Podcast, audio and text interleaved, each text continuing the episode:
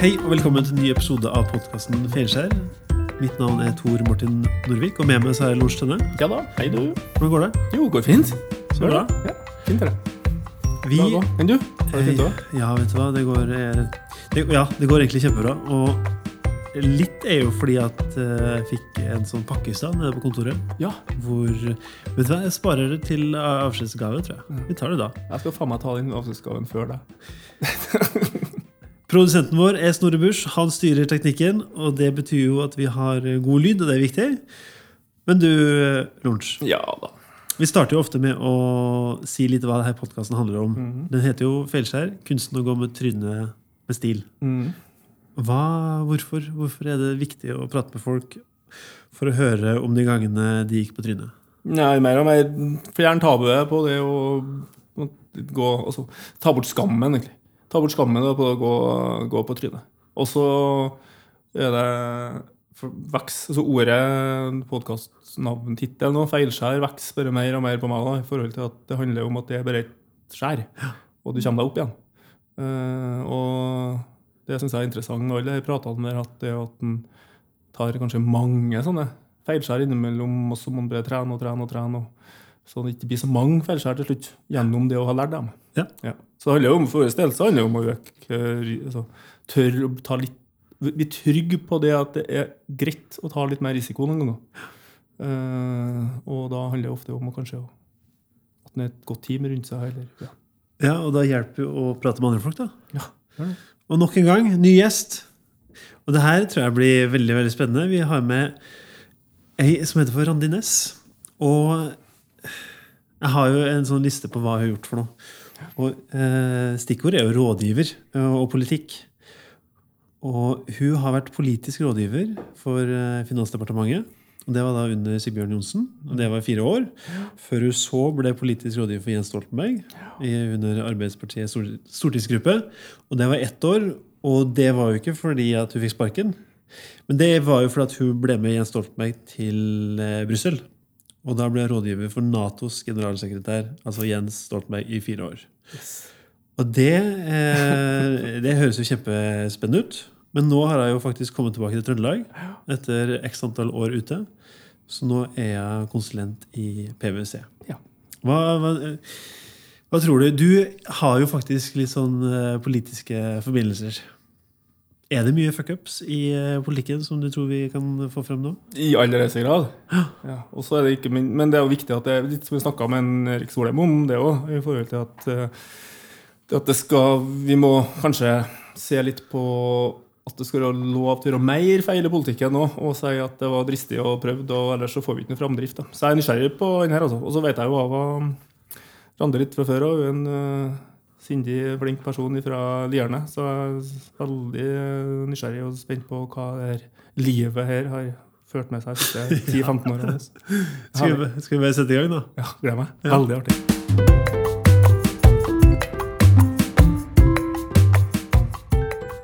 Velkommen til oss, Randi.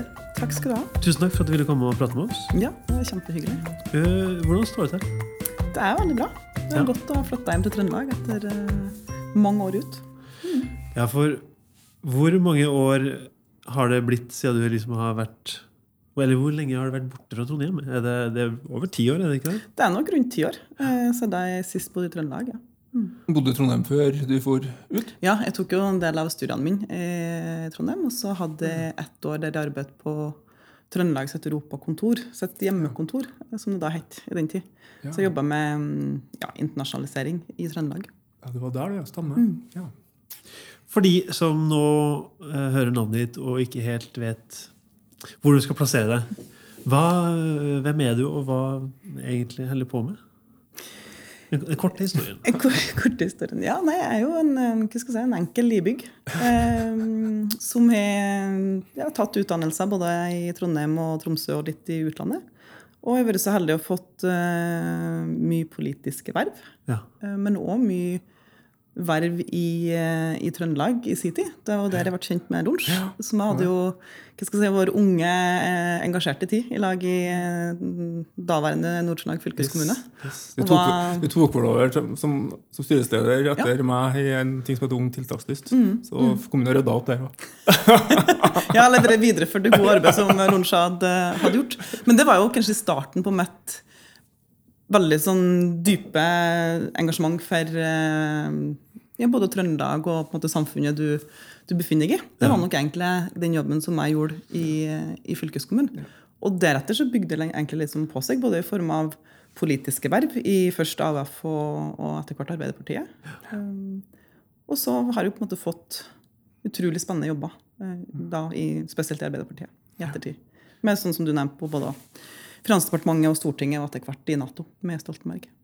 For hvordan, eh, hvordan kom dere til Oslo? Eh, altså, jeg skjønner jo hvordan man kommer seg til Oslo, men eh, inn i Finansdepartementet, er det, er det engasjement som har liksom tatt deg hele veien? Ja, det tror jeg.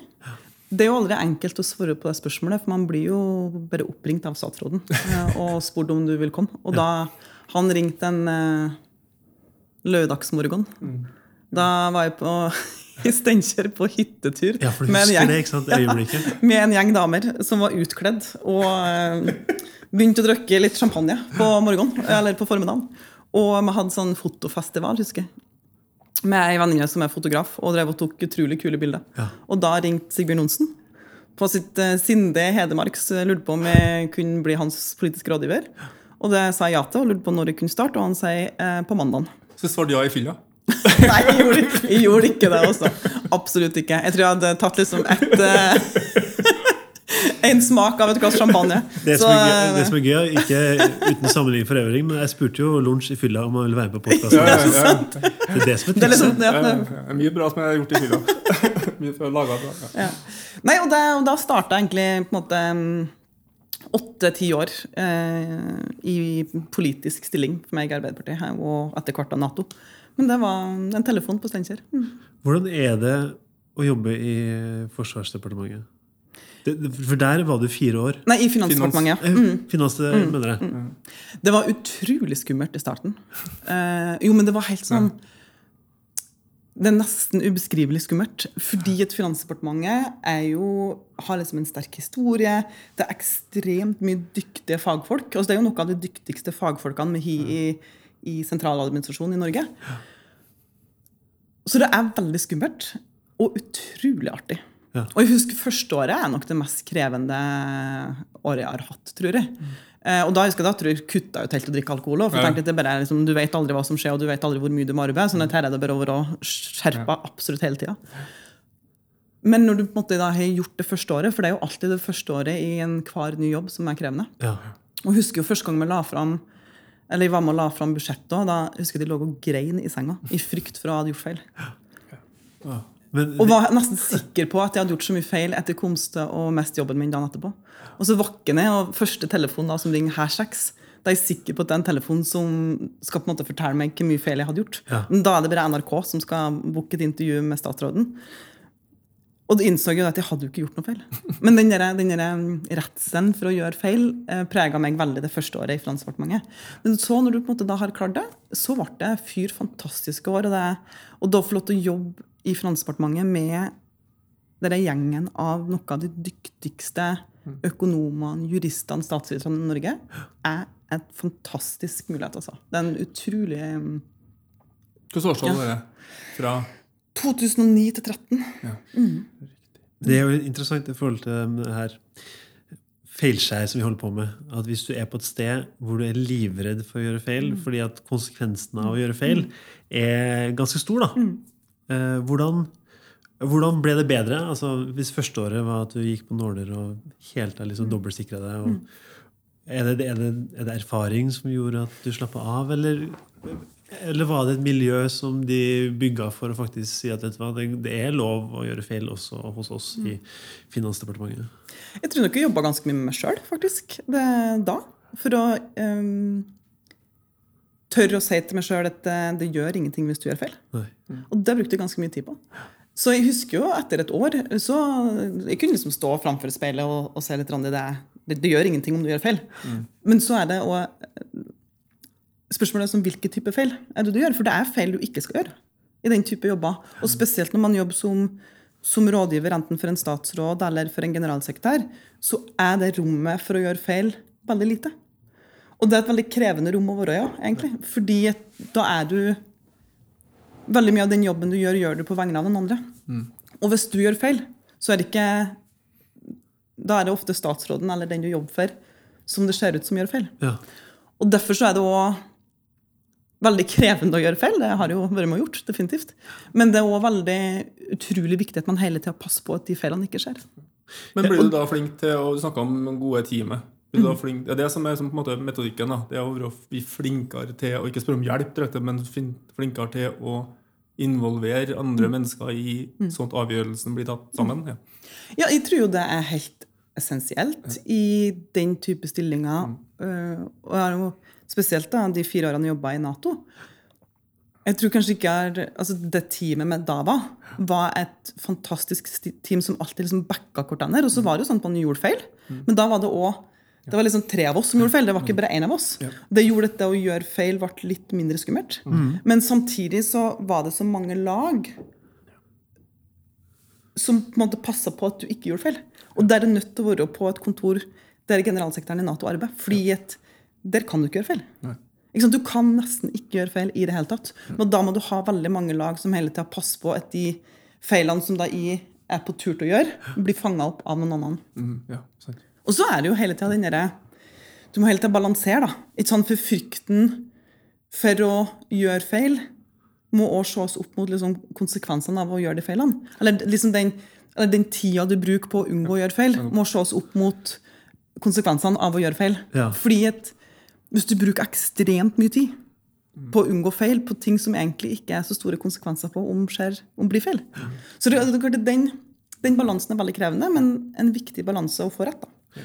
Vi snakka med Erik Solheim at han, eh, han, Når han skulle gjøre ting, så var det viktig for han at det måtte tåle dagens lys på forsiden av VG. Kjører, du kjører alltid VG-testen. Yes. jo, men du jobber i politikken, eller jobber i den type stillinger, så er liksom VG-testen liksom noe du alltid har i, i, panna. Ja.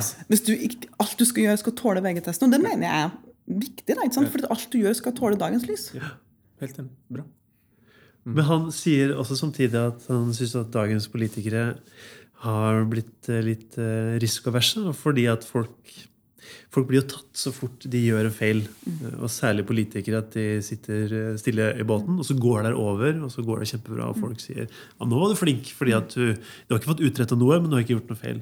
Hvordan var det når du var liksom aktiv? Du er sikkert aktiv i politikken ennå, men når du var under i Oslo og jobba med Finansdepartementet, hvordan var det da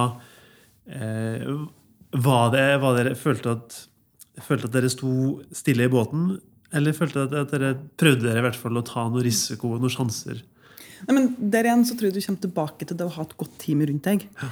Jeg er nok en sånn risikoavers, konservativ person som ikke liker å ta de store sjansene, men som heller kan hva skal jeg si, rydde opp litt. da. Ja.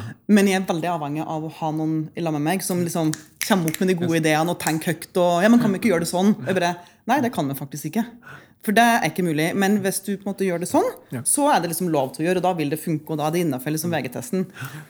Og husk Da jeg jobba i Stortinget, så hadde jeg en fantastisk kollega som var sånn. Altså Han kasta opp liksom 20 baller i løpet av fem minutter. Og jeg plukka ned to av dem, og så var det én av de ideene som på en måte ble noe, men da ble det noe skikkelig av det. Ja. Og igjen så kommer du litt tilbake til å ha et godt team rundt deg. For du må ha litt ulike typer personligheter. og det tror jeg òg det er viktig når du er leder. da. Mm så må du ha liksom, du må kanskje ha noen sånne kjedelige personer som meg, som kanskje ikke liksom, er den som kommer opp med de kuleste ideene bestandig, mm. men som er mer en sånn gjennomfører. Da. Men så må du ha sånne som min gamle kollega, som er et opphav av de kule ideene. Uh, men kanskje ikke alle av dem var veldig smart og gjennomførbare, men noen av dem var skikkelig skikkelig gode. Men er det kanskje derfor, akkurat derfor også du ble rådgiver? Så det er litt sånn kjedelig å gå og du blir så tett på fordi at uh, det er helt nødvendig at noen er der og sørger for at uh, man kan stå skolerett på denne VG-forsida. Hadde ikke eh, generalsekretæren i Nato hatt det, og, og, hørt på alle de her ideene som kanskje hadde kommet opp da, så det er det ikke sikkert at uh, han hadde sittet så lenge i jobben sin. Nå har han alltid dyktige folk rundt seg, så jeg tror ikke det har så mye med meg å gjøre. Men jeg tror på at han, altså han som leder har alltid vært veldig opptatt av å ha ulike personligheter i sitt team. tror jeg. Og han har vært veldig opptatt av å ha gode folk rundt seg. Og det er klart det er noe av den viktigste egenskapen som leder tenker, det er å tørre å ha folk som er annerledes enn deg sjøl. Og så, og så må du da på en måte balansere det ganske godt nok. Og han sa i forhold til å gjøre feil, han, sa han brukte å se etter sine ansatte når jeg hadde julesamling eller ulike typer samlinger hvor, hvor alle ansatte var samla, så sa jo han at altså, jeg sover jo godt om natta fordi jeg vet at dere ikke gjør det. Ikke sant? det er et ganske godt altså, Prøv å tenke litt på det. For det, det handler jo om at han som øverste leder av Nato Ja. kan sove godt fordi han vet at sine ansatte jobber enormt mye for hele tida og gjør det rette, som er det rette for han og det rette for liksom alle Nato-landene. Og han vet at alle folkene jobber så utrolig hardt eh, for at man skal lykkes med det, og, og, og for så vidt da unngå feil. Mm. Ja, Hvor mye sov du da i de fire åra i Brussel? Nei, det var jo en utrolig intensiv jobb. Ja. Men absolutt noe av det mest fantastiske jeg har gjort i hele mitt liv. Hva, hva er en sånn typisk arbeidshverdag hvis du skal liksom ta oss på innsida? Hva, hva, fordi man, Nato virker så svært, og, og sånn, ja, man vet jo egentlig ikke helt hva som foregår der. Hva, hva er det som skjer på innsida? Så en helt um, en vanlig dag. Vi vi reiste jo veldig mye. Det Ja. gjorde vi jo absolutt. Eh, Og det er klart at som generalsekretær så var han veldig nødt til å, å reise rundt til alle medlemslandene. Men ikke minst til partnerlandene og de landene hvor vi hadde operasjoner. Altså typ Afghanistan, eh, Irak, Kosovo. Var du alltid med? du? Stort sett. Men, eh, men jeg delte ofte reisene mellom meg og en av mine kollegaer. Eller to av mine kollegaer. Mm. Men jeg var ofte med. Eh, og ofte så var vi flere på de reisene, fordi det var det er såpass krevende. Og det er såpass liksom tight på de reisene. Og det er liksom, du starter tidlig på morgenen, og da har du program. Så, så det er liksom sånn som Gro Harlem Brundtland sa en gang. Liksom, når du ser et do, så må du komme på å gå på do. For at du aner ikke når du har tid og muligheten til det neste gang. Og sånn er det veldig. Eh, så det var jo på på de reisene, og da er det jo, da er det jo mm, besøk til alltid til forsvarsminister, utenriksminister, statsminister eller president. eh, Og, og presseopptreden. Er det mye pugging av navn? Ja, dere kom du da traff jo absolutt min største svakhet i livet. Og det er navn. Det har deg fra. Så er det jo ikke sant, det er jo litt sånn, det er jo noen land du vet hvem som, er, som innehar de ulike posisjonene, men så er det jo også noen land du ikke helt vet, hvem de er, og du har ikke sett mye bilder av dem. og sånn, Så det er ikke alltid så enkelt å plassere rette ansiktene til rett navn til rett posisjon. Så ja, det er litt krevende. Og de forventer kanskje at du skal vite hvem de er. Ja da, og det, og det er viktig med, med respekten for, et, for eh, alle, alle medlemsland. Og, men det er klart at definitivt når du går fra et møte til, til et annet møte og kommer på liksom hva navnet er. Men, men også da, og vi hadde jo ofte reiser hvor vi besøkte tre land på en og en halv dag. Og litt den der, liksom, Du blir helt forvirra oppi hodet på hvilket land er du til enhver tid. og ja, Si Det høres jo helt vilt ut. si rett navn på hovedstaden. Ja, det er jo er parodien. Men, men den, er Har du hatt noen sånne blundere? ja, men, men hva skal jeg si, min fordel er at det ikke er jeg som står foran kamera. Ja. Og, og min tidligere sjef Stoltenberg han var ekstremt god på det. Riktig. Ah, okay, fint. Ja, bra. Men vi hadde jo, vi hadde jo ofte noe av vår oppgave. og så liksom Nærmeste time rundt Stoltenberg var jo det var hele tida, Vi var jo liksom hjelperyttere. Ja. Og hele tida passe på at han hadde rette papirene. rette... Holde plakater bak der det Ja, står nei. Ungarn. Nei, vi gjorde ikke det. da. Men, men sant, det var jo mange dager hvor han hadde en tre-fire pressekonferanser. Eh, og det er klart at når du har gjort den feilen og gitt han feil eh, pressestatement en gang, så gjør du ikke det noe mange ganger. og han står der og, og har fått det på ettermiddagen, og jeg husker det så godt. Det var på en, en ettermiddagen hadde, da hadde han hatt ganske mange eh, pressekonferanser. Og så hadde jo meg gitt den eh, det pressestatementet. Eh, og så hører vi at han skal til å si 'good morning'. Og så er det jo på ettermiddagen. Og så plutselig så bare legger han fra seg manuset, og så tar han da pressekonferansen uh, uten manus. Og det er jo han utrolig god til. Ja. Uh, og leverer jo liksom 100 Eh, Og jeg husket meg da jeg sto og så på Glenner, meg og mine to kollegaer, og jeg tenkte hva skjedde nå? liksom, var han Syns han ikke liksom, pressestatementet var godt nok? Og så, og så er vi ferdige, og da bare kommer han, og så bare Se her. Og da var det da feil pressestatement og feil statsråd, feil land, feil eh, tid på døgnet. Ja. Og da bare, det er litt også sånn følelsen av å dø litt innvendig. Men, men liksom, og det er tilbake til det med å lære av sine feil. da. Og det brukte man ganske mye tid på i Nato. Det var alltid evaluere. Ja, Hvordan gjøres det? da? Altså, alle reiser etter et hvert toppmøte, etter et hvert ministermøte, så brukte vi en god del tid på å liksom gå gjennom hva gikk bra, og hva kunne vært gjort bedre. Ofte ikke sånn hvilke feil gjorde vi, for vi gjorde veldig ofte ikke feil, men det er alltid ting du kan gjøre bedre. Og det tror jeg er en viktig det er en viktig oppgave som leder å legge til rette for, eller for en arbeidsplass å legge til rette for dette rommet for å kunne evaluere det man gjør, da, til enhver tid. Ja, for en kom ikke, Jens Stolpen kom ikke da og sa 'Hvem faen er det som har gitt meg feil papir?' liksom. Nei. Nei, sant? Og den, så lenge han ikke gjør det, så Nei, er det jo nei, nei, da nei. er det Sant, og det er klart Du må aldri lage en fryktkultur for å gjøre feil, for da vil aldri feil skje. Men da vil, men da vil heller aldri noe annet skje.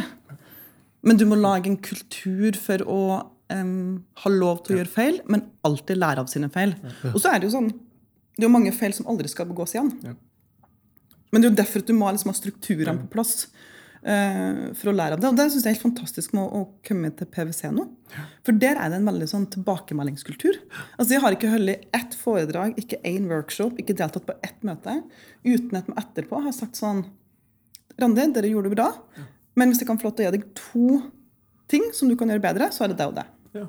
Og jeg vokser på det. Ja. Og det det er handler ikke om å det er gjøre kul- det er en kultur der. Ja, det er en veldig er sånn kultur. sånn, ja. Og jeg syns det var kjempeekkelt i starten. Og kjente de ikke likte det. For jeg hadde ikke noe Jeg syns det er litt sånn så det er litt skummelt. Ja. Eh, og det er litt sånn eh, nesten sånn at det blir litt for privat, eller det blir litt sånn litt krevende. Men nå må jeg ærlig innrømme at jeg syns det er veldig behagelig, og jeg kjenner sjøl hvor mye jeg vokser på det. Det er en slags kontinuerlig evaluering. nå. Ja, det er det.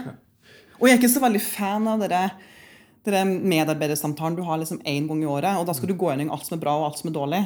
For det tror jeg ikke er så veldig hensiktsmessig. Du, det er ikke på den måten at du blir en bedre ansatt. Du blir en bedre ansatt av at du får tilbakemeldinger hele tida. Og så er det jo sånn at vi, vi leverer jo ikke 100 alltid hele tida. Uh? Eh, og det kan alltid være ting som kan gjøres bedre. Og så blir du kanskje bedre trent både på å gi tilbakemelding, men også ta imot. For det, det, kan, merke, det kan være litt sårt å få tilbakemelding, og du hadde håpa på at noen skulle stå og klappe, og så sier de at du, det der skjønte jeg egentlig ikke helt. eh, Det var ikke særlig. Men hvis du trener opp i det? Og så er det ofte litt krevende å gi tilbakemeldinger som også er litt krevende. på en måte. Altså det at du har en kollega som kanskje ikke leverte 100 Både da å faktisk sette ord på det du mener han kunne ha gjort bedre, men òg det å faktisk se det. Altså Det er ikke noe som jeg er veldig god på, men, men med den kulturen som er i PwC, så kjenner jeg at det blir bedre. Og òg fordi at jeg ser hvor mye mine kollegaer også setter pris på det. Vi har jo podkasten som heter Fjellskjær. Hva, hva betyr det for deg å måtte, gå på trynet? Hva, hva legger du i å gjøre et feilskjær? Så en ting er å gå på trynet bokstavelig. Er nå én ting. Har du, Eh, har du gjort det? Ja, det har jeg faktisk også gjort. Nå må du fortelle. Nå må du fortelle. Sånn, noen ganger så gir det jo sånne opplevelser du, du tror at du nesten skal dø av. Og tenker at du aldri skal fortelle det noen, og bare har liksom lyst til å glemme. Og så går det noen uker, og så er det en fantastisk morsom historie. Men ja, jeg har gått ordentlig på trynet, og da, da var jeg med på reise med generalsekretæren til et Jeg husker ikke hvilket land det var. Og så, og så var det jo veldig ofte sånn når vi kom til de landene og landa på flyplassen, så var det eh, rød løper. Det var ofte store militære seremonier med korps, med liksom 300-400 uniformerte eh, personer. Og ofte da en rekke av statsråder som starta med liksom utenriksminister, forsvarsminister, protokollsjef og statssekretær og i det hele tatt. Og da kamera og TV-kanaler og radiokanaler. Ja. og så lander vi, og så er det jo en protokoll at eh, generalsekretæren går jo da først ut av flyet. Og så går det noen andre, og så er det noe av meg i høygæla sko, skjørt og dressjakke og to vesker. Og så tryner jeg noe så vanvittig ned den trappa. Ned fly- flytrappa, liksom? Ned flytrappa, fra, fra liksom øverste eh, trappetrinn. Og så lander jeg på fotene til utenriksministeren. Og så er det jo sånn som jeg tror alle har opplevd, sånn, i løpet av et halvt sekund, så er det opp igjen. Og så prøvde jeg å tenke at det her har ikke skjedd, men du innser jo det. Og jeg hadde veldig ilt på ene kneet og var mest bekymra for at uh, strømpebuksa hadde rakna. Og det er sånn som dere som menn ikke forstår, men, men det å da rakke en ei strømpebuks på starten av en reise er ganske krevende. Så det var da min største bekymring. Uh, og hvorpå da alle mine kollegaer lo godt. Så klart. Uh, det har vært en morsom historie.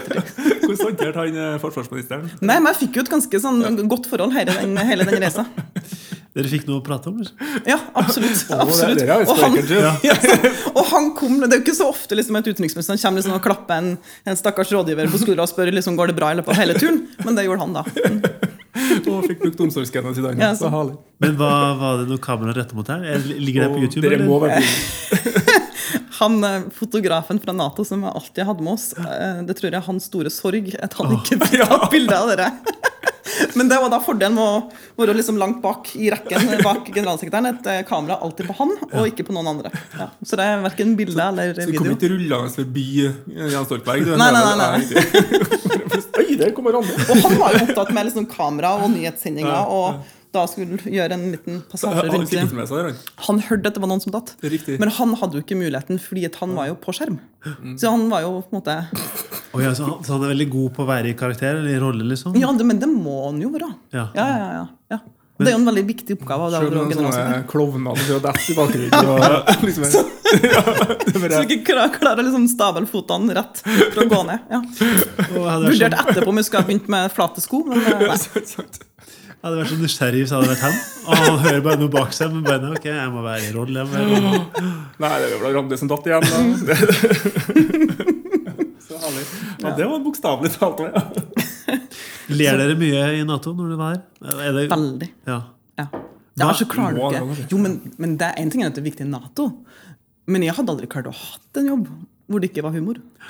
Eh, hvor du kan le av alt. Eh, og jeg er nødt til å ha noen som tuller med meg. Og, eh, ja, hvor det er liksom veldig sånn rom for å tulle med alt. da. ja. Men apropos humor, da. Husker, husker du på øyeblikket det ble ny president i USA? da? Mhm. Var det Hvordan var det? Hvordan ble det? Hva følte du da? Nei, jeg skal ikke gå inn på det. Men eh, du husker på øyeblikket? Jeg husker på øyeblikket, Ja, ja, absolutt. ja. Eh, nei, men uh, Nå kommer jo det som alle karakteriserer som et veldig kjedelig svar, men som er et veldig korrekt svar. Og det var jo Som jeg så jo på, på nyhetssendingene. Mm. Og, og så fort det ble klart, så var jeg på en måte veldig sånn i arbeidsmodus. Mm. Altså Det var vår nye eh, Det var liksom ny president i et nytt medlemsland. Eh, USA er et stort medlemsland, viktig medlemsland. Det er ekstremt viktig for Nato og for Mm. NATO sin generalsekretær å ha et godt arbeidsforhold med en president eh, i et så, såpass stort Nato-land. Så det var liksom Det ble en del av arbeidsoppgavene. på en måte. Ja, ja. altså, det med det, var, det, var ikke noe, det var ikke noe sånn at jeg satt og liksom hadde store diskusjoner om det her var bra eller dårlig eller krevende. og sånt, Men bare var Ny situasjon. det er en ny situasjon, det skal man håndtere. Uh, skriv pressestatement, skriv tweet. altså Alt det som man alltid gjør ved et Dra hardt til Russland presidentvalg. måte. snakke med en Putin. Hva gjorde du dagene etterpå? Ikke på det? Ble det endring i planene på reiseruta? Sånn, da? Nei, altså man visste jo på en måte, Det var jo Det ble uansett en ny president. Eh, om det ble liksom Hillary eller Donald Trump, var jo, så ble det uansett en ny president. sånn at Til oss så lå det jo inne et Og det er jo litt sånn standard. ikke sant? Man sender jo ofte ut en tweet, man lager et pressestatement. Og så er det jo det å begynne å planlegge en reise til det landet som har fått en ny president. Og det gjaldt jo også for USA. Og man var jo Du har møtt en Donald Trump? du? Ja, Så det var det. tøft. Så kult. Artig. Ja, for det er jeg litt nysgjerrig på. For eh, jeg har jo lest at du har jo både møtt Barack Obama og Donald Trump. Hva, hva går gjennom huet på deg første gangen du skal inn i Det hvite hus? Ikke dette på trappa. Ikke dette trappa. Tryn, ikke tryn. For der, for der er det visst katastrofe, er det ikke? Hvis du gjør et eller annet gærent? Det er ikke plassen du gjør feil, for å si det sånn. Det er det ikke. Nei, Overhodet ikke. Altså, men det er klart at, et um, på begge de møtene uh, De møtene inneholder jo veldig mange altså de to møtene inneholder jo veldig mange likheter og ulikheter. De, de to møtene som jeg har vært med på med to ulike presidenter. Men det er klart at den største likheten er at de møtene er så veldig godt planlagt. Ja. Det er møter som er planlagt i mange måneder. Og sånn er det jo. I, I alle internasjonale organisasjoner når to statsledere eller en leder av en, en internasjonal organisasjon møter en statsleder, så er det veldig godt planlagte møter. Sånn at det skjer jo heller ikke noe feil. Nei. Og det er planlagt både på sånn logistikk, protokoll, innhold i møtene, pressestatement og sånn. Um, Så alt som blir sagt i det møtet, er egentlig ferdigskrevet og ferdig Nei, ikke alt som sies, men det er diskutert godt gjennom det som er ønska eh, konklusjon av et sånt møte. Og det skal vi jo alle være veldig glad for. Fordi at et møte mellom presidenten i USA og generalsekretæren i Nato er et veldig viktig møte. Fordi at såpass stor som USA er i Nato, så har jo de mye de skulle hatt sagt. Sånn at et sånt møte er godt planlagt, det er nok en fordel for oss alle. Ja. Er, er du nervøs i forkant? Eller tenker du at det, det er så innarbeida og så drilla at uansett hva som skjer, så har dere på en måte en eller annen backup-plan for det? Godt spørsmål. Jeg tror ikke jeg var nervøs, men du er alltid litt sånn altså Da å dra inn i Det hvite hus er jo stort. Ja. Eh, og det er et, en fantastisk eh, ting å gjøre å få lov til å være med på. Sånn at man er nok mer spent enn nervøs. Men så er man jo veldig sånn på jobb. Du er ekstremt på jobb i forhold til å liksom levere, levere, levere. Og det er det du har fokus på. Så det er ikke sant, Du har ikke på en måte fokus på noe annet. og da, Man på en måte rekker veldig lite å tenke over at det her er stort. Det gjør du på en måte litt før og veldig mye etterpå. ja, ok. Men akkurat når du er der, så er du veldig sånn i leveransemodus. da. Det kan sammenlignes med, Vi hadde jo for en stund tilbake prat med en, Stein eh, Vannebo i forhold til som arrangerer masse konserter. Sånn, så det som er, så at altså Spenningsnivået i kroppen øker så mye mot en festival eller mot en konsert at da kommer man inn i prestasjonsflyten og, og er klar egentlig til å som, liksom, ta imot hva Ja. som helst. Ja, at og du bare leverer, vet du. riktig, Ja. Ja. Spennende. Det kan jeg skjønne. altså. Det er, å, man går inn der. Ja.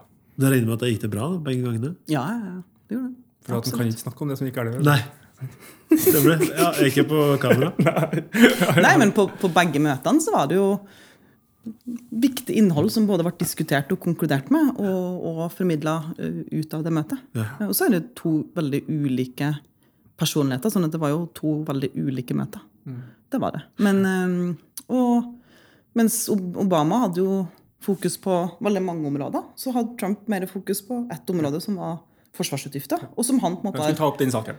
Han skulle ta, og det var den som vi diskuterte med, og mange andre typer saker, men, men det er var en veldig viktig sak for han, og er fortsatt en viktig sak. Og det er også en veldig viktig sak for Stoltenberg. Og en sak som jeg jobba eller som jeg òg var med å jobbe veldig mye eh, de siste, eller de, de fire årene som jeg var der.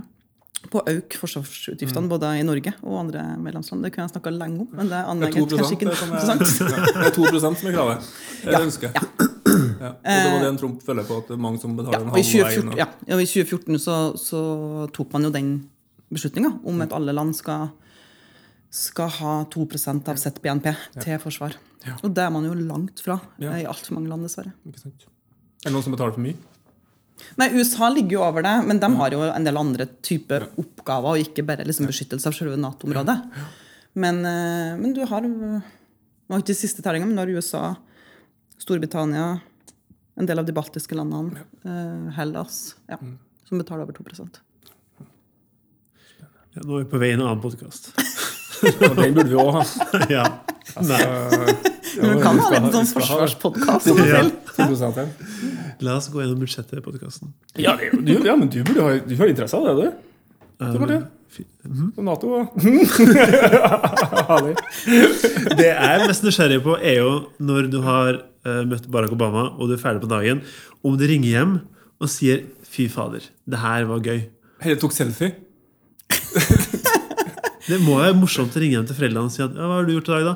'Nei, jeg har nå, har nå bare vært og hilsa på han, eh, Barack Obama'. da. Barak. Jeg husker hvem jeg gjorde liksom, når jeg var ferdig. Um, Ja, men husk Du er så på jobb, du, at det Ja, man blir veldig Veldig i fokus, liksom. Ja. artig. Um, Nei, Men, ja, men altså, nysgjerrig på det, for at Ikke det, men um, For at Jeg har ikke tenkt så mye på det før. Men for vi har jo på en måte ofte snakka om at vi skal uh, ufarliggjøre det å gjøre feil. Og Det gjør at en blir bedre på å håndtere det. Men du har jo vært i motsatt verden, altså der, der en ikke skal få lov til å gjøre det. Og det er jo noe lærdom i forhold til at når en ikke får lov engang enig, Men da må det være enighet om det i gruppa. At det ikke er lov til å gjøre feil. ikke- Vi skal ikke gjøre feil, eller vi skal ikke komme ut med noe som er feil. Da må en bli god metodisk internt til det å forebygge det. For at det kan jo ikke bli feil ute. Det er jo ikke noe tvil om det. sant, Ja. Og så syns jeg det var interessant i forhold til det politiske spillet om dagene det at det å gjøre feil virker som for meg har blitt en del av eh, Jeg syns jo de diskutere nå, Ronny, men det, det, det, det å gjøre en bevisst feil, nesten, er blitt en del av det politiske spillet. Som f.eks. å poste noe på Facebook som er innlysende feil. Men den, den feilen hermetegn, skape da, en debatt om båt- båtflyktninger osv. Så, videre, og så, videre, og så, videre. så det har blitt en bevisst strategi nesten. Noen ganger det å gjøre taktiske feil. da. For jeg mener at det er jo en feil. Uh, og det vet de at det er risikoer, så høy risiko der. Ja. Men, hva, men når du ikke får lov ut, da, får lov til å gjøre noe feil hvordan metodisk jobba dere internt? Du var inne på med, ti, med, sånn med og sånt som det der. Men hvordan, hvordan, hvordan kom dere fram til enighet om at det er her nå vi skal presentere til omverdenen? Skjønner du hva jeg mener? For det, er noe sånn, det, det tror jeg er noe sånn overførbart over til næringslivet og til generelt. da. Hvordan skal vi bli flinke internt og jobbe med at vi har en felles enighet om det ut? Hvordan, dere- hvordan jobba dere? Hvordan, både i Stortinget og i Nato på en måte er Godt spørsmål. Hvis jeg forstår spørsmålet rett, så tenker jeg, det, det er jo sånn som du ser, det handler jo om de liksom, strukturene du har internt for å unngå et um, For å unngå at det blir feil i det hele tatt ut. Og det, og det klart at det skal På alle arbeidsplasser skal det være rom for å gjøre feil. Det er bare det at det er noen arbeidsplasser hvor konsekvensen for de feilene er større hvis du ikke oppdager dem i rett tid. Og det er klart at når både i politikken og, og i Nato så så var jo på en måte det rommet lite, som jeg sa tidligere. Og det er klart det med jord var nok en, Det er lov til å gjøre feil. Det er lov, og, du, og du må ha du må ha et system hvor det er lov til å innrømme at du har gjort feil. Fordi at, sant, Hvis du ikke tør å innrømme at du har gjort feil, så vil du aldri kunne lære av det. Og det er klart at det å ha medarbeidere, kollegaer, men ikke minst det å ha en leder som tar litt ansvaret for å lage muligheten for å diskutere. det. Meg, som sagt, så evaluerte jo meg enhver tur. Vi evaluerte liksom enhver liksom stor happening for å hele tida lære. Og hvis du på en måte har en sånn lærende kultur på arbeidsplassen din, så vil, så vil det på en måte automatisk bli lov til å gjøre feil. Men du vil aldri gjenta dine feil. Men, men var dere trygge på at hvis det mot formodning det skjedde et eller annet feil, så kom leder til å backe dere? Kom til å stå i feilen sammen med dere? Ja, det har jeg egentlig alltid følt. Men jeg har aldri følt at det er liksom akseptabelt å, å gjøre feil hvis du ikke sjøl innrømmer at du kan lære av det. Bra. Og det er jo litt sånn, jeg husker jo det var en, en tidligere kollega av meg som jobba i militæret òg. Han var jo ofte veldig sånn Jo, men du gjør jo feil i militæret òg, men det er aldri akseptabelt å gjenta samme feil, for da har du ikke lært av det. Og det, det er veldig det det handler om. da. Og det er en stor og viktig lederoppgave å legge til rette for at medarbeidere tør å gjøre feil. For da lykkes du på andre områder. Det, det skjer mer hvis du har en, en kultur hvor det er lov til å gjøre feil, for da tør man mer. Men, men eh, man kan ikke gjenta de samme feilene. Og da blir det, Derfor blir det veldig viktig interessant det med at du setter sammen et team med forskjellige mennesker. Mm. Ja. sånn at du, Ja. metodikken, og da, ja. Så da blir jo det å ut i media for eksempel, og ha i presse? Det blir jo samme som om at et byrå, reklamebyrå eller en produksjonsbedrift skal levere fra seg et produkt som skal faktisk være feilfritt til slutt når du leverer. Men prosessen dit, til at et godt produkt, er gjennom det å ha metodisk jobbing med ja. Spennende. Så det er Og så er det jo, og det tror jeg nok kanskje dere ser mer i forhold til det, det byrået dere jobber for, men, men det er jo perioder hvor det er lov til å gjøre mer feil enn andre perioder. Det er klart at Tidlig i en leveranseprosess så er det et veldig rom for å gjøre masse feil, for da er du på en måte i en sånn prøve, prøve og feil-periode. Men det er klart at tett opp til leveransedatoen, tett opp til deadline, da er det veldig lite rom for feil igjen. Sånn at, og det er jo at liksom, Tidsaspektet med det å gjøre feil er jo et viktig aspekt å ha med seg. Jepp. Og det der er en sånn ting som man kan trene seg på, tror jeg, og vi har jo vært heldige både jeg og Rande i forhold til å, være litt tidlig inn i eh, gode miljø og gode team, alle som tenåringer. og ja, Du hadde jo et sånn Skal ikke snakke så mye om det, men det er Nord- så Nord-Trøndelag fylkeskommune, Nord- Nord-Trøndelag idrettskrets eh, og MTBU-er og ikke minst Ung tiltakslyst, som også du var involvert i. det var Vi var alt fra 14 til 20 år som var veldig sånn, Vi var, jobba kun i team, for det var det eneste vi visste. Og så hadde vi reell makt òg, eh, for følte vi det. Og det å hele tida være trent på det at en skal jobbe i team, og sånne ting, så jeg tror det er en sånn ting som en kan trene seg på. Mm. og kanskje det viktigste en gjør med ungdomspolitikere og organisasjonsarbeid og ungdommer for tida, det er det å la få føle å få ha reell mm. og jobbe i team og få lov til å ta noen avgjørelser som ikke er så Men det føltes jo veldig alvorlig hvis vi gjorde noe feil den gangen der. Altså, det var et arrangement som ikke kom folk på, men det var trening, da. Og det var jo det som var hele Ung tiltakslyst sin kjerne, følte jeg. Eh, Og det at den var det lov, ja. Ja, og, det, og tingen er Nå er det jo noen få som er liksom best alene, men det er jo veldig veldig få som er det. Og det er klart at mange av oss er jo mye bedre til det man er god til, når du arbeider med andre folk. Og jeg husker Da jeg starta å jobbe i PwC, noe av det som de sa til meg på jobbintervju, var jo det at ja, men Randi, du kommer aldri til å arbeide alene. Og så tenkte jeg sånn, ja, men det er jo litt rart. Ja. For at du, man gjør jo sikkert oppdrag alene, men, men det stemmer faktisk. Ja, og det er, tror jeg, i respekt for den kunden man har. At man alltid leverer bedre leveranse til sin kunde hvis du er to eller flere på. Og det er at hvis du kommer som måtte, alene som konsulent, så klarer du ikke i like stor grad å levere kvalitet i innholdet på like stor måte som du gjør når du er to.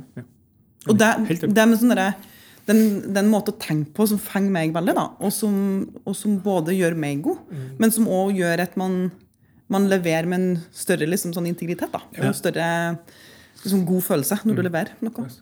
Er du nysgjerrig på, på læring. Altså hva, hva du har lært etter de her, alle de åra? Er det, klarer du å trekke frem noen feilskjær som du har på en måte sittet igjen mest med, og faktisk omsatt til læring? da? Nei, altså det er ikke noe Jeg har ikke noe sånn konkret sånn feilskjær, men det er nok mer herre altså, Summen av alle småfeil man gjør, så har man jo lært at det er lov til å gjøre. Ja. Eh, Men, og at man blir bedre av det. da. Og jeg har brukt mye tid på å skrive. Altså, jeg har liksom ofte evaluert for meg sjøl. På store ting som jeg var på, så skrev jeg ofte sånn eh, Det kunne vært bedre, det kunne vært bedre. Og så året etterpå så gikk jeg tilbake og så for å skjønne hva jeg er nødt til å tenke på nå, eh, som jeg ikke tenkte på i fjor. Og det er nok en måte å jobbe på for min egen del, for å bli flinkere til det. Var det en naturlig måte for, for hvor, hvor har du lært den metoden der? Altså det å egentlig selvevaluere seg selv, og så Er det bare noe Har det alltid vært sånn, eller er det Hvor, kommer det fra? Jeg ser jo at det kan være fornuftig, men Nei, men jeg tror kanskje, det, du er bare førsten jeg hører gjør det. Ja, men det er jo litt synd, tenker jeg. Men det er jo Nei, men jeg tror kanskje jeg har det litt fra pappa. Fordi at første gangen vi kjørte ut med bil Det har jo skjedd noen ganger. Så Det var dette jeg Det herlig. Da var jeg jo sikkert 18 år og kjørte en gammel Hiace. eh, Og bor jo ganske, bodde jo og vokste opp på en ganske hva skal jeg si, eh, avsidesliggende plass eh, hjemme i Lierne. Og du som fikk bil på 18-årsdagen din, så å si. Eh, Vi fikk ikke noe bil, men vi fikk førerkort. Ja, Ja, og det var den største var- lykken i livet. Ja, Ja. husker på en sånn eh, ute på bygda her, den var litt sånn engasjert og sånn. Det var en sånn eh, andre bilen til fattern. Mm. Den ble min. For det handla om at da, nå kom ja, fire møter og, Ja, ja, i vekka, liksom. Det trengte ikke å Da fikk man liksom virkelig utfall for det engasjementet sitt. Så man kunne liksom til et møte. Det er Noen av oss er sær. Men i hvert fall, altså, og det bodde jo at vi hadde grusvegg. Og de grusveggene, eh, spesielt på, på våren, var jo veldig hølete. Ekstremt mye høl. Som jeg da prøvde å liksom svinge unna når jeg kjørte. Eh, hvorpå de da etter hvert havna så veldig i grøfta. Og i eh, liksom panikk og tårene trilla, så ringte jeg hjem til pappa. Og var veldig redd for at han skulle bli sint. Fordi at jeg hadde liksom kjørt ut om med bilen hans og antageligvis påført noen skader også på bilen. Og det første som pappa sier, og egentlig det eneste, var sånn Ja, ja, men da har du lært det. Og da hadde jeg jo lært det. Ikke sant? Jeg har jo ikke kjørt på den måten etterpå.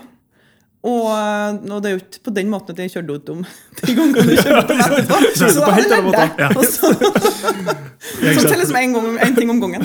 Ja, for du har ikke slutta å kjøre ut, du har bare kjørt ut på litt andre tog? På andre måter. Ja, andre steder. Ja, ja, sånn. Jo, men du, du, liksom, du slutter jo aldri å gjøre feil. Bare du gjør andre feil. Men hva er det her greia med den uh, leppestiften? Jeg har skjønt at du har Hva du har funnet ut nå? Hvem har du prata med nå? Nei, det her er det Ronny selv som har skrevet. Kombinasjon rød leppestift og ulike kysse på kinnet-regimer fra ulike land. Ja. Det kan gi noen utfordringer. Og noen flaue, noen flaue, flaue øyeblikk. Jo, men det er jo Når man jobber i, i Nato, så er det jo noe med et eh, Man har jo ulik eh, hilseregime. Eh, Nordmenn eh, gir jo hverandre liksom en bamseklem eller tar hverandre i handa. Mens andre land er enten ett kyss på kinnet eller to kyss på kinnet eller tre. Og ulik side du starter på. Og jeg er jo veldig glad i å bruke leppestift, men hvis du drar bom på hvilken side du skal starte med kysset, så blir det ofte feil. Og jeg har da vært i et eh, rådsmøte i Nato hvor jeg da skulle hilse på en ambassadør, og det ble da feil side. Og han fikk liksom et merke av rød leppestift på kinnbeinet. Hvor, da han sto liksom sammen med sin minister. Og jeg bare kjente det liksom døde litt inni meg. Og bare begynte liksom sånn Du vet, sånn som damer ofte gjør. sånn ja. Prøv med tommelen å ta det bort på kinnbeinet hans. Og det her var liksom en, en ambassadør på 65 år som, hvor vi da på noen og 30 står liksom og tørker bort eh, et sånn ordentlig rødt leppestiftmerke på kinnbeinet hans. Ja. Men de må jo ta det veldig mot veldig Han, han lo, men jeg er litt usikker på om han eh, hva skal jeg si, lo, for det var ikke så veldig mye annet å gjøre. jeg tror ikke han syntes det var veldig kult. Nei. Men det er alle disse situasjonene som du, du føler jo, du blir jo nesten løs altså Du blir jo du blir liksom ødelagt inni deg, for det er jo så flaut. Altså, det er jo ikke, det er jo ikke direkte å gjøre en feil, eller å ha liksom et feilskjerm, men det er jo sånne flaue ting som man gjør. Eh, men som blir fantastisk morsomme historier i etterkant. Så det- da tenker jeg litt viktig å ha humor på feil man gjør òg. For det er veldig mange feil man gjør. Som en ting er at man kan lære av det, den er en ting, men, men som ofte blir veldig morsomme historier i et- i etterkant. For Alternativet er jo at han ligger og grubler på på natta og syns Ja, det er flaut liksom, Ja. mange år etterpå. Snakka jo litt om med han Jonas. Som, ja. Hvordan var siste dagen i Nato? Åh, Gud, det var veldig trist. For hvor eh, var det er det, er det sånn at man Eller hvorfor eh, slutta du, eller fikk du sparken, eller hva skjedde? Jeg vet ikke. Det er en feil som ikke kan prates om. Ja. Ja, ikke sant? Det da man kjente til den store feil man gjorde, liksom. Randi, det var vel ikke helt rett. Nei, sorry. sorry jeg feirer meg. Det var Nei. Um, jeg fikk ikke sparken, bare sånn for å ha det. Uh, Det er jo greit å ha det på det rene. Men, uh, men det er en tid for alt. Ja. Og etter fire år i Nato så, så kjente jeg veldig på lyst til å hjem. Eh, Etter hva, sa du? eh, Etter fire år i Nato. Eh, Og eh, fire år i Nato. Fire? Jeg synes- jeg trodde det var et eller annet, et som skjedde. Man kan nå ha en liten sånn time med feil man Ah, får fordi at man er litt rar i dialekt. Ja, nå glemte jeg at det var for gjerne fire Renato. Fire Renato. Hva faen Renato? Hva er fire Renato? Hva faen er det? Så du spørsmålstegnet i trynet på Fire, fire, fire år i Nato. Når du, når, du har det, når det er liksom litt travelt, og du liksom skal eh, spørre om din sjef er liksom, Er du soping, skal du ha mat nå? Du skjønner jo at det kan bli litt, sånn, litt krevende å få svar på. Ja. Faen, det er det, vet du. du sorry, jeg kan ikke ha hun fra Lierne lenger som rådgiver. Jeg skjønner jo ikke hva det er. Det dans, Jeg tror- Camelot danske Jeg tror faktisk kan være ganske frista til å si det mange ganger. Ja. Så ganske for, Det er for slump, faktisk, av det det var liggeren som en Jan Stoltenberg har sagt. ut. Jeg skjønte ikke hva jeg sa. Nei, det var det fjerde tallet, og fire, fjerde året at da røyka. Ja, Ja. Vi bare Hvor lenge har du jobba her? Nei, ja. så bra. Hvor vi var hen? Ja, etter fire år i Nato, ja. Jo, så, så bare kjenner man at man har lyst til å gjøre noe annet. Og så er det en, det er en krevende jobb. Eh, og det er en intensiv jobb som gjør at du bruker måte, hele døgnet på jobb. Som er helt fantastisk morsomt. Og jeg er veldig glad i å jobbe. Og syns det er veldig morsomt å både være på jobb og, og tilbringe mye tid på jobb og sånn. Men etter hvert så kjenner man jo at det er liksom andre ting som er viktig. Men det var veldig tøft å forlate Nato. Både det å jobbe for Stoltenberg er noe av det fineste jeg har gjort i mitt liv. Ja. Han er En fin fyr. Ordentlig fin fyr. Ja, sånn. Og han er, en, han er en fin fyr, men han er en veldig bra sjef. Ja. Som både eh, setter veldig høye krav til sine medarbeidere, som er veldig kult. For Mm. det gjør at du hele tida litt sånn Du må være litt ekstra på for å hele tida levere 100% Det er en sånn fyr som du får lyst til å prestere overfor, gjøre en god jobb Ja, og det er jo derfor at man orker. Det er jo derfor at du orker å liksom sitte, sitter på liksom siste timen i døgnet på en måte, og gjøre den ekstra jobben fordi at han han er så fin å jobbe for, og, og fordi at man er så veldig lyst til at han skal lykkes som generalsekretær. Mm. Fint. Men han ser deg, da. Han verdsetter at Ja, du sitter en Jo, men han er så bra sjef på så mange måter, Ja. og, og det er jo én måte han er en bra sjef på. Det er jo nettopp at han er veldig god til tilbakemeldinger. Både på det som er bra, og det som er dårlig. Men det er jo det som er vår god sjef òg. Men, og han er, veldig, han er veldig dyktig til å ta vare på sine, sine ansatte, egentlig. Mm. Så var det Da var det liksom tid for å dra hjem Ja. i fjor, fjor høst. Mm. Nei, det er spennende, spennende reise. Altså. Og det får lov til å være med. Og så den siste tingen eh, som du har skrevet i mail til meg, er hvordan det å være på forsiden av Trønderavisa med tidenes snusleppe. Hva er det for noe? Veldig mange ganger så gjør du ting som du tror er veldig, veldig rett å gjøre, og så blir det feil. Og dere var jo tilbake i eh, Det husker kanskje du, Lunsj? Ja, muligens. Men, men eh, NRK laga en sånn dokumentar fra Lierne. Og jeg er jo så uendelig stolt av min egen heimplass. Eh, og kan jo prate på innpust og utpust hvor bra Lierne er. Både nå og da. Og så husker jeg NRK ringte meg, og de ville lage en dokumentar. Og da var det som å skru på liksom, knappen til meg, og, eh, og jeg liksom serverte dem historie på historie. Ikke bra det var, Og de kom opp, laga en dokumentar som jeg trodde egentlig var en sånn glanshistorie. Litt sånn Norge Rundt eh, i en time på NRK i beste sendetid. Og så var det ikke det. Og det ble en veldig sånn krevende dokumentar eh, hvor de tok tak i masse sånne negative ting. Og da var jeg 17 år. Og det ble masse sånn negative tilbakemeldinger som jeg syntes var kjempekrevende. Og, og, da, og da var det både en, en Trønderavisa og Namdalsavisa hadde liksom mange oppslag i dagene etterpå om hvor um, negativt måte, den dokumentaren har vært, som jeg på en måte trodde var, skulle være noe veldig bra for Lierne. Så alt ble på en måte bare feil. Og så eh, den påfølgende lørdagen så skulle Trønderavisa ha lørdagsgjest. Eh, Og da spurte de om mye lavere det. Eh, Og jeg var blakk student og sa, på, gikk på videregående på Grong og sa at det kunne jeg gjøre så lenge et, uh, han spanderte lunsj. Jeg solgte meg liksom for en eh, nachos på vertshuset på Grong. Um, Men det var viktig da. Og da brukte jo løs ettan, som man gjorde på den tida. Og etter ettermiddag så tok jeg opp snusdåsa, klappa meg en snus, og han tok bilde. Og så sier jeg sånn at du får ikke lov til å ta bilde, for det er ingen heim som vet at de bruker snus. og da kan dere bare liksom se for dere hvilke bilder- liksom. Ja. ja, ja.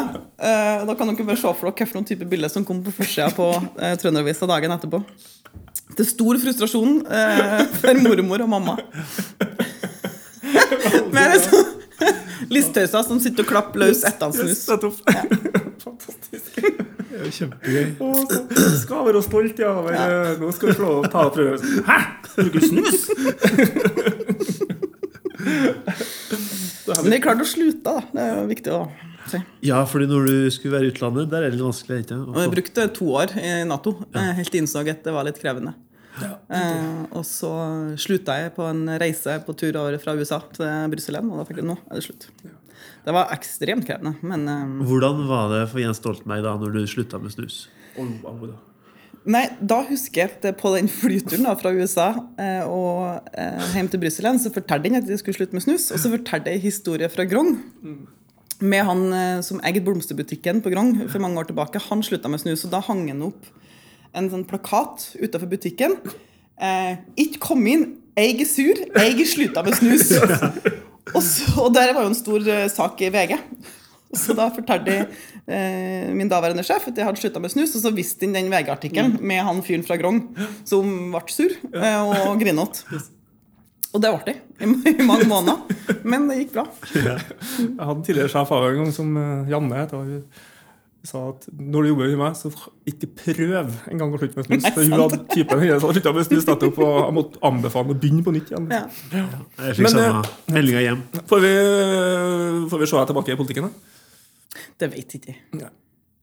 Dette Arbeiderpartiet får ri av stormen nå, så kommer du tilbake Nei, men det, det, å, det å jobbe i politikken er noe av det fineste man kan gjøre. Og det å være, være engasjert og det å, å ha et engasjement i et politisk parti, mener jeg er noe av det viktigste man gjør, og det er noe av det artigste man gjør. Og jeg har vært fantastisk heldig som jeg har fått de vervene jeg har fått i, i Arbeiderpartiet. Både her i tidligere fylkesting i Nord-Trøndelag og sånn, men, òg de jobbene jeg har hatt. Og det er altså, så evig takknemlig for de mulighetene som Arbeiderpartiet har gjort, gitt meg. Og så tenker jeg at det, det er liksom en tid for alt der òg. Nå eh, Men du var jo som- veldig tidlig inne i politikken. Ser du, som hvis jeg tar ytterligere Trøndelag og Nord-Trøndelag, ser du ting i Nord-Trøndelag i dag som du kjenner er noe som du var med og fremma eller foreslo, eller For det med den seige Det er jo noe med og Det savner jeg bare mer om i politikken. Det at vi har fokus mer på det, på det som skal bety noe i framtid, mer mer i framtida. Og det er jo det som er utfordringa med politikk. Jeg husker på det sjøl. Jeg har vært innom det, og at det er enkelte ting som en skjønner ikke Det har ikke den umiddelbare effekten, men det er et viktig samfunns... Og det er der egentlig debatt, det er egentlig det politikken skal handle om. spør du meg. Ja.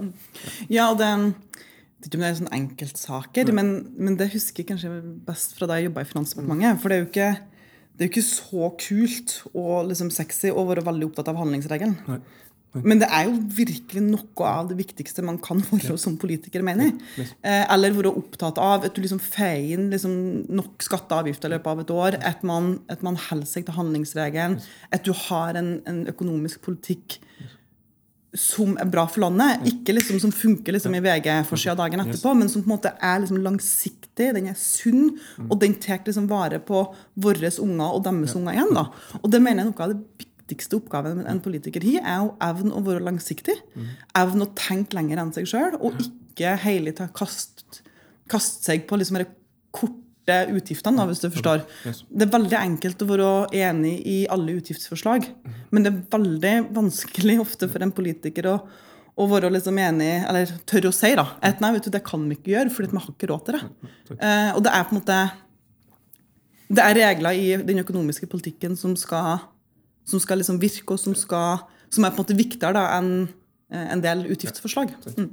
Og det er jo det som er sånn opp imot valgkamp og sånn, og det, altså, jeg er veldig glad i det politiske valget, altså, men det blir bare mer og mer det, det er tydeligere og tydeligere at nå, nå er vi inne i en periode der folk bare kaster opp trumfkort som skal forhandles om etterpå. Men nå er det bare om å ha mest mulig kort på bordet for det at etter valget så skal vi begynne å forhandle. måte. Ja, og, og, og det er nok kanskje der igjen som kommer tilbake til at de kan ofte bli liksom oppfatta litt sånn kjedelig og konservativ. For de er nok fort litt den personen som sier ja, men det tiltaket er jo bra måte isolert, men hvis du legger sammen det tiltaket med de 20 andre, så vil vi ikke ha råd til det. Og da er på en måte spørsmålet hvem, hvem av dem er det som er det viktigste? Og den type prioriteringer må enhver politiker tørre, å- tørre å ta. Og Og den, det- den er veldig krevende og den er veldig vanskelig, men du må tørre å ta den. Ja, og, det er hva som, og hva er det som hvilke avgjørelser av tiltaket er som må inn før vi kan ta det tiltaket? Ja, For at de står i samsvar. Og der var det politiske kvarteret over. Men lunsj kan fortsette etterpå. Å, så gøy! Så hvis du tar både forsvar og politikk etterpå Nå har du vel lært noe, tenker jeg, Tor Martin. Nå har jeg lært masse. Ja, ja. Det var- Bru til Ytterøy. Brut nå- ja, ja. Ytterøy, ja. Handelsregelen er viktig. Yes. Hvis, du, hvis, du, hvis det er én ting du skal huske fra denne podkasten, så er det bra. Handelsregelen, den, den skal man ikke fucke opp. Nei. Vi har et spørsmål som vi stiller alle sammen på slutten. Og det er hva er ditt neste potensielle feilskjær? Oi. Men hadde jo visst det, så hadde du aldri gjort det feilskjæret. Nei, det er noe med det. Er det noe du skal i gang med nå som du tenker eh, Du går i gang med hud og hår, og så tenker du at eh, det er bristebærer du vil kjøre Ja, altså jeg har jo klart å i et svakt øyeblikk melde meg på 10 km på Trondheim Maraton eh, på lørdag. Så det er jo definitivt Har du, har du det? Det ligger laglig for høy for et feilskjær, for å si det sånn. Oh, så gøy. Har du det? Nei, det er ikke gøy. Det er ikke Nei, jeg har hatt den følelsen av Jeg meldte meg, Men jeg meldte meg på halvmaraton og laug til fatter'n og sa at jeg skulle springe bare fem kilometer, for jeg visste at han kom til å si dette her kan du ikke gjøre, sønn. Så det kjenner jeg den følelsen der. Det med å vite at nå går det til Så det er, jo, ja, det er jo noen ting du gjør som du vet er et garantert feilskjær. Men jeg har sett bilder av deg og Nia Stoltenberg for å springe i, i New York eh, hva er det, tror. Hyde Park, eller ikke Hyde Park, det er London. New York City Hva heter parken der, da? New York? Hva er New York?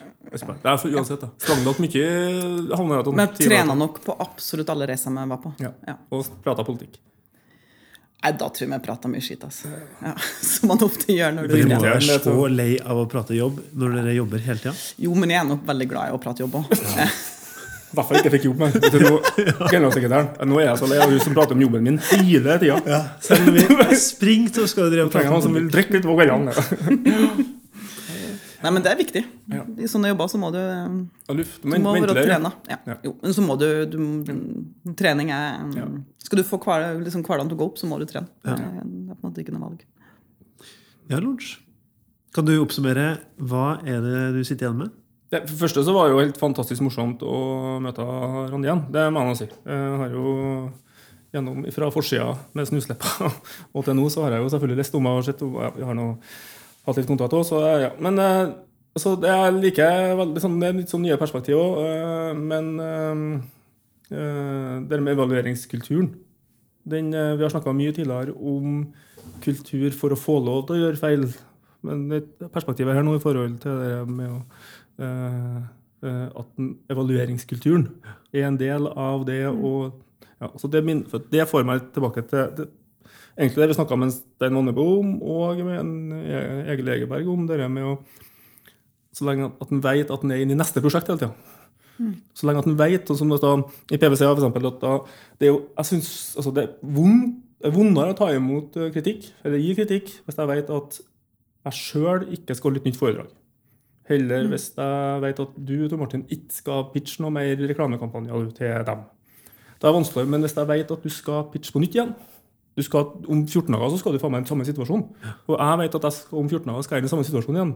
Da kan jeg, vil jeg ta imot kritikk. Og det er en helt annen måte å formidle på. Da kan Randi komme til meg, du Tor komme til meg og si ikke at da, De klager ikke på det som er, men du sier til neste gang så tenk over hvis vi gjør sånn og sånn. Og det tror jeg det å være i fart. på en måte. Det er noe, Da blir det å da være i fart og ha en evalueringskultur. Gjør at en får på en måte rom for å gjøre feil. Altså bare en ting, Ja, jeg tenker at Det er ansvaret du sjøl har som kollega overfor annen kollega. Mm. Med å faktisk gi tilbakemelding for at dine kollegaer skal bli bedre. Altså Det ansvaret tror jeg er viktig at man kjenner på, og at alle er klar over. Da. For jeg mener at du har et stort ansvar Mm. som kollega på å være med og forbedre dine, andre, eh, eller dine kollegaer. Mm. Forbedre hverdagen til seg sjøl. Og, ja. og så er det med å stå, stå sammen i ting. Og så er det med teamet igjen, og så er det tilbake igjen til dem. Men det er så godt å høre at det er, eksisterer i dem eh, som er øverste ledere rundt omkring. både i eh, Jeg er ikke overraska at Randi eh, er i posisjonen som er i, men hun er også samtidig en, sånn som jeg kjenner, en profil som ikke har trengt å bli valgt av enkelte ledere. Så at det er da at ledere velger en sånn type profil, og som har et sånt samspill, det tror jeg ja, det er godt å høre. da, på en måte. Både at en Sigbjørn og en Jens og andre. Så det, ja. Og så er det morsomt å høre at sånne folk som Randi tryner, trapp, tryner på trappa og kjører ut om veien. dem. Synes jeg det er noe, Mennesker, de også. Ja, okay. Lov det. Han er menneske, han kommer fra Lierne. for å si det sånn. Far i gode land. Anbefaler alle å få til Lierne en tur. Er det bra? Det er fint, det. Du burde antageligvis dit en tur du har vært litt mer kjent med språket. liksom, tenker Ja, det er veldig fyr, fyr Renato? Hva faen? Du vet hår... Hva faen er det? Hva farsken har jeg gått glipp av her nå? ja. Det er ikke lett, altså. Enn du? Eh, humor tror jeg er viktig. Ja, Det er kjempegøy at du Ja, nevner uh, humor i et arbeidsmiljø. Og så er også gøy når du sier at eh, det å jobbe et sted hvor det egentlig ikke er lov å gjøre feil, men likevel ha kultur for god evaluering, det tror jeg er godt. Og så når du sier det at er kollegas ansvar om å gi tilbakemelding, det eh, er jo ikke gitt at folk tar det ansvaret der. Det er jo ikke gitt at folk tør å ta det ansvaret der. Og der er det jo eh, lederen som må gå inn og si at ok, nå skal vi etablere en ny kultur her. Det er fint hvis dere kan være ærlige overfor hverandre. Fordi man ønsker jo å være hyggelig og vennlig og si at det du har gjort nå, er kjempebra. Men det å faktisk sette seg ned og gi god, konstruktiv kritikk, da, tilbakemelding, det tror jeg har vært Men jeg tror at En ting er at en sjef eller en leder må, må, må si det og legge til rette for det, men han må være litt sånn sjøl. og min nåværende sjef er veldig sånn. Altså, en ting er at han tror jeg uh, har høye krav til oss i forhold til den type tilbakemeldinger jeg gir til hverandre, men han er også veldig åpen for å få tilbakemeldinger sjøl. På sin jobb. Og da, da, da lager jo han en kultur på sin arbeidsplass Ja. ut fra hvordan han er sjøl. Og da, da er det ikke bare, er det ikke bare noe han har sagt at det skal være, men det er, noe, det er på en måte hans handlemåte som skaper en kultur, og det tenker jeg er viktig. Da har vi kommet til avskjedsgaven, og det er jo når vi spør eh, hva er det som har gjort deg glad den siste uka, de siste syv dagene. Er det noe spesielt du har lyst til å trekke fram? Godt spørsmål. Jeg tror nok at eh, Ofte så er nok mitt svar på sånne spørsmål eh, matrelatert. Ja. som over gjennomsnittet glad i mat. Og bruker ekstremt mye tid i hverdagen på å tenke på neste måltid. Libab. Eh, ja, for eksempel libab. Men det er noe med det liksom den derre Når du først er ferdig etter, så begynner du å tenke på neste måltid. Det bruker jeg veldig mye tid på. Men akkurat i går så så jeg dette Beforeigners. Ja. Heian jo, hvor bra serie også. Altså, det er helt nydelig. Og det er, jeg blir ordentlig stolt av at den er norsk. Så det mener jeg, altså da, da ble jeg glad både fordi den er bra, men jeg blir jo veldig glad fordi at, et, eh, ja, den er norsk, og det er laga norske skuespillere. og Det, det er ordentlig godt levert. Ja. Den har jeg også sett på. Den er kjempemorsom. Og så var jeg kjempeskeptisk, for jeg ofte jeg orker ofte ikke sånne serier med liksom noe overnaturlige ting. Så jeg var veldig skeptisk, og jeg hadde nok antageligvis ikke sett den hvis jeg nesten ikke hadde vært tvunget til det. Og da er det også morsomt når du tar så veldig feil på det. Mm. Ja, kult. Herlig. Du øh, Jeg har uh, gjennom litt sånn fram og tilbake så har jeg, skal jeg ta litt, studere litt Ja. på sida. Og det så begynte jeg. Og bedriftsøkonomi og matematikk igjen. Eh, Oi. det å sånn nedpå, liksom, det kjente jeg ja, Det er et trim for hjernen, det å begynne å studere. Jeg har jo aldri i mitt liv studert noe. Jeg har jo barne- og ungdomsarbeider, fagbrev barne- og ungdomsarbeider. Så sist jeg satt på skolebenk, var jeg var 16 år.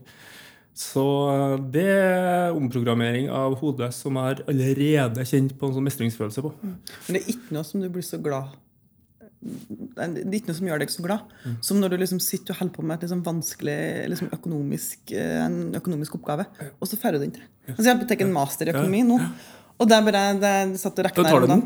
Ja, Ja, på ja. NHH. Ja. Og, da, og, det, og det, er jo, det er jo så krevende at jeg får jo grå hår av det. Men nå på forrige så satt jeg og, og satte opp et sånn veldig krevende Excel-stykke, og så gikk det opp, liksom. Ja, Det er så herlig. Og det bare sånn Yes. Shit, vi fikk det til, liksom. Ja, sant. Og du ble ordentlig glad. Ja, sant. Og det var jo som trening òg, for der har jeg jo ikke noe team. på en måte, Det er jo kun meg sjøl. Og så da å stå i stå i og holde på til en, holde på til en får det til, det ja, syns jeg var veldig Ja, det gjorde meg glad. Ja, så bra. så bra. Enn du? Du jeg fikk en pakke i stad på kontoret. Ja, faen, det var det jeg skulle si, egentlig. Og det var jo det var Det er et kult prosjekt. Det må det, Det var veldig gøy, fordi at eh, i, i sånn, et sideprosjekt som jeg jobba med i siste, var å lage en bok som eh, heter For eh, min venn Linda på Facebook. Og greia er at jeg har en venn på Facebook som heter for Linda. Og hun, for et par år siden så ble jeg mor til to stykker, tvillinger. Og etter de kom, så har jeg egentlig ikke sovet noe særlig.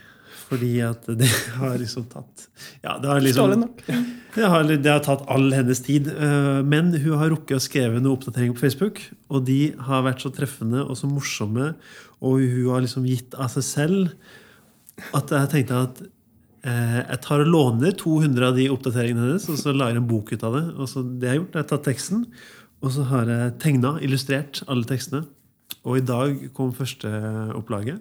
Vet Linda her, Nei. Nei. Det er det som er så kult. Men eh, jeg skal sende nå Jeg skal sende en bok nå, og så må jeg få aksept. da Yes.